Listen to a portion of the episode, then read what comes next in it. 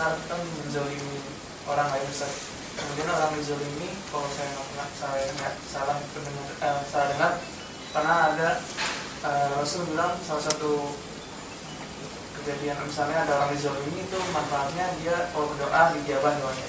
Itu boleh nggak diperbolehkan orang yang dizolimi kemudian berdoa agar orang yang menzolimi mendapat balasan?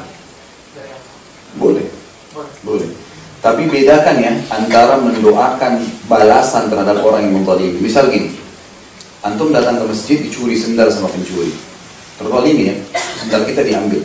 Pulang panas-panas gitu kan. Baik diambil sendal sama dia, kita sedang terzalimi. Apa yang boleh kita lakukan? Kita boleh berdoa agar Allah menghukumnya, boleh. Mendoa, karena doa orang terzalimi diijabah. Tapi jangan salah paham, tidak boleh mencela dan mencaci maki. Kalau kita mencaci maki, misal semua kebun binatang diberikan kepada pencuri tersebut, maka dia ber- berdosa dengan mencurinya, kita berdosa dengan cacian kita. Mendoakan boleh, minta agar Allah kembalikan hak kita, minta supaya Allah hukum itu hak kita, tidak ada masalah. Cuma memang dalam hal ini ulama peka menyampaikan, berbicara tentang masalah keimanan. Kata para ulama, kalau orang sedang terzalimi, dia dianjurkan mendahulukan mendoakan hidayah dulu, hidayah. Bisa, jadi jangan langsung balas dendam. Tapi ya Allah, berikan hidayah dia, supaya dia membayar utangnya. Berikan hidayah dia, supaya dia berhenti dalam mencaci maki saya. Berikan hidayah supaya dia memperbaiki fitnah ini. Bisa saja Allah kasih dia hidayah, dia berubah. Kemudian dia memperbaiki semua itu. Itu jauh lebih baik. Karena doa ini sudah ibadah buat kita. Dan kalau dia jadi baik, selama dia baik sampai dia meninggal, kita juga dapat pahalanya. Ini lebih efektif, ini lebih baik.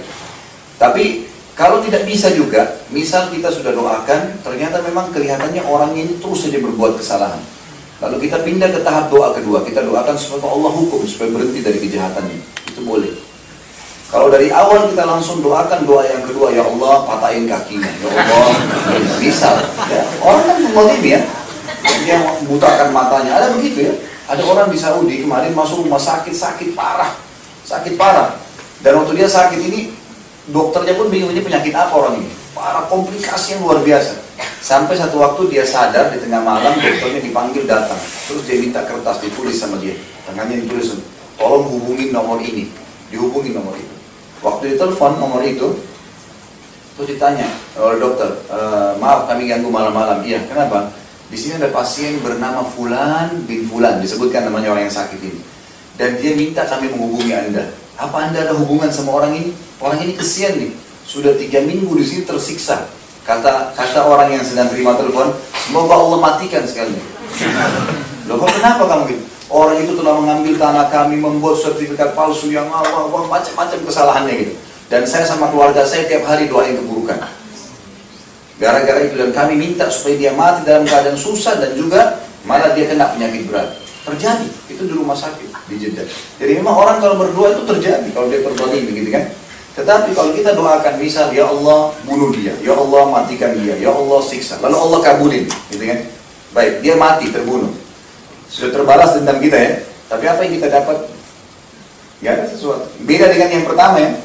Kalau kita doain dapat hidayah, lalu dia bayar utangnya, kemudian juga di- dia jadi baik dan selama dia baik, dia sholat, dia ibadah, kita dapatkan pahalanya, itu lebih efektif daripada kita langsung doakan kehancuran tapi boleh ya cuma tidak boleh mencela.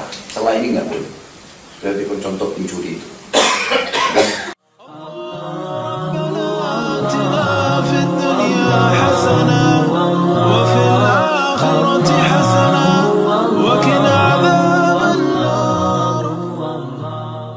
Bismillahirrahmanirrahim. Seorang sahabat Nabi bernama Amr bin As radhiyallahu anhu. Tahu ya? Orang ini dulu musuh Islam. Setelah dia masuk Islam tiga bulan, Nabi SAW membentuk pasukan untuk menyerang salah satu suku Arab yang memang dasarnya mau menyerang Madinah. Suku ini suku besar. Amr bin As baru masuk Islam tiga bulan oleh Nabi SAW menjadikan pemimpin perang. Itu menjadi pimpinan perang, komando perang. Dan di dalam pasukan itu ada Abu Bakar, ada Umar, ada Uthman, ada Ali, ada Talha, ada Zubair, ada sahabat-sahabat yang mulia nih. Tapi Nabi SAW tunjuk Amr bin As.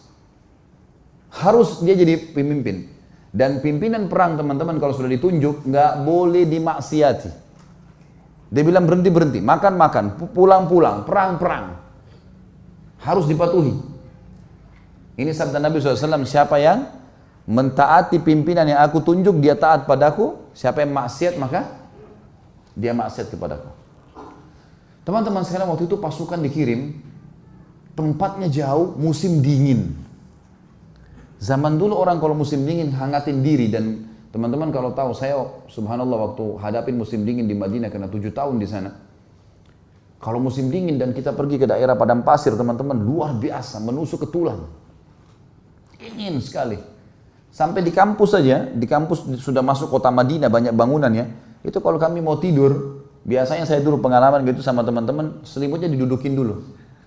Angatin dulu. Kalau enggak kayak ditusuk-tusuk sama pisau, panas. Apa dingin sekali. Apalagi padang pasir nih, luar biasa. Waktu itu dingin sekali.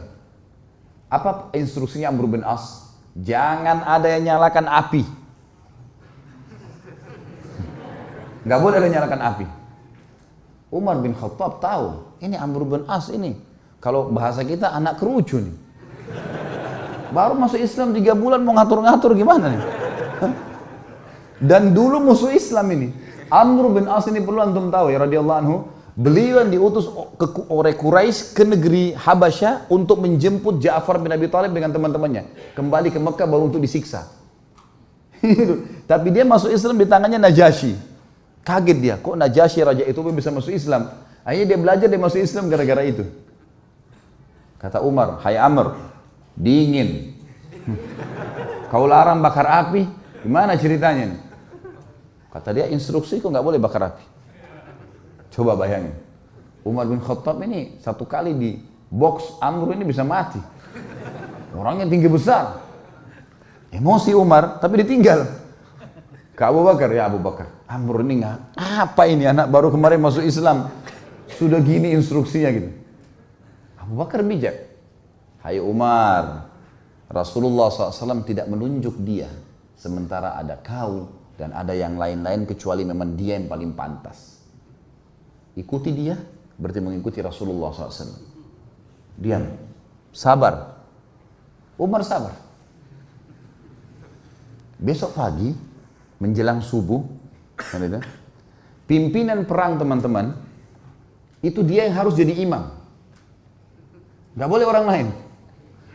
Ada Abu Bakar, ada Umar, ada Uthman, ada Ali, ah ini penghafal Quran semua ini. Ulama besar, nggak boleh harus Amr jadi imam. Memang sudah begitu. Hukum syar'inya begitu. Subhanallah, Amr bin As mimpi junub. Banyak. Ini kisahnya begitu. Amr bin As mimpi junub. Waktu dia keluar, minta dia bawakan air oleh beberapa pasukannya, gitu kan? Umar tanya, kenapa Amr? Dia bilang saya junub. Gitu kan? Kemudian waktu dia pegang air, dingin. Kata Amr, saya mau tayamum. Saya mau tayamum. Kata Umar, ada air, nggak bisa tayamum. Kata dia, saya mau tayamum. Ini masalah lain lagi. Nih. Kemak tadi malam sudah buat orang kedinginan, sekarang ada air mau tayamum. Ini orang baru masuk Islam, mualaf ini. Umar sudah jengkel nih. Abu Bakar lagi. Gimana nih Abu Bakar? Ingat. Ini utusan Rasulullah SAW. Jangan kau bantah. Baiklah. jadi Amr bin As jadi imam mandi tayamum. Padahal ada air. Luar biasa. Ya. Sudah selesai sholat, kata Amr, saya takbir, serang. Takbir, serang. Memang ternyata pasukan ini, eh, pa, pa, pa, pa, ini kelompok ini, ya, suku ini jumlahnya kalau mereka nyerang Madinah bisa mengalahin Madinah semuanya. Nanti kan kita tahu alasan-alasan Amr bin As dan bagaimana Nabi SAW membenarkan dia. Diseranglah, ternyata hanya dengan kalau tidak salah 300 orang pasukan berhasil mengalahkan suku itu. Dan Amr bin As mengatakan, ingat, setiap orang kalian harus berjalan sama temannya. nggak boleh pisah. Bersebelahan terus, dia harus dampingi. Sekarang pilih teman masing-masing. Jadi dia 300 orang tuh pilih teman. Selalu berdekatan. Serang musuh berdua, nggak boleh pisahin. Jangan tinggalkan temannya kalau dia masih belum selesai duel atau berperang. Itu instruksinya. Karena ini malam, gelap. Baik, pergilah ke sana, perang dan berhasil menang. Kocar kacir nih suku nih. Kocar kacir sukunya, lari semuanya. Para sahabat mengetahui mereka kocar kacir dengan semangat serang, takbir, kejar. Kata Amr, tunggu, tunggu, tunggu. Jangan ada yang, jangan ada yang nyerang san. Tunggu di sini. Umar balik lagi. Hai Amr, musuh udah kalah. Tinggal kita kejar, tebas nih. Tidak bisa, instruksi tunggu sini. Tidak boleh kejar musuh. Kumpulin ghanimah yang ada sekarang pulang Madinah.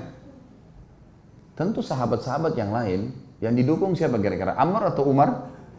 Umar. Karena mereka tahu siapa Umar gitu kan. Mereka juga tahu siapa Amr.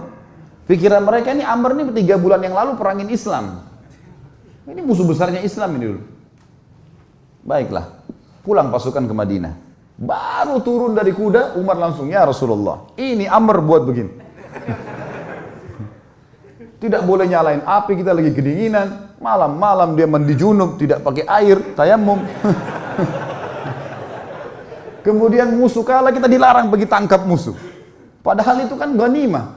Musuh yang lari itu kalau ditangkap kan jadi hamba sahaya. Bisa diperjualbelikan. Gitu. Lalu Nabi SAW tanya di depan mereka semua. Hai Amr, keluhan sudah sampai kepadaku. Apa jawabanmu? Ya Rasulullah, pasukan suku yang kita serang ini adalah suku yang jumlahnya kalau semua berhasil menyerang Madinah keesokan harinya habis kita nih. Pasukan perang jumlahnya banyak. Kalau kita nyalain api, mereka tahu kita ada habis 300 orang lawan sekian ribu gimana caranya? Kata Nabi SAW, benar. Lihat Nabi SAW tidak salah memilih pemimpin nih. Nabi bukan orang bodoh. Hah? Wahyu dari langit nih. Yang kedua, kenapa kau mandi junub dengan tayamum? Ya Rasulullah, airnya seperti es. Kalau saya mandi saya bisa sakit, mati. Saya pemimpin. Kalau saya sakit, saya pemimpin perang. Instruksi Anda saya pemimpin. Nggak bisa, udara dingin di padang pasir.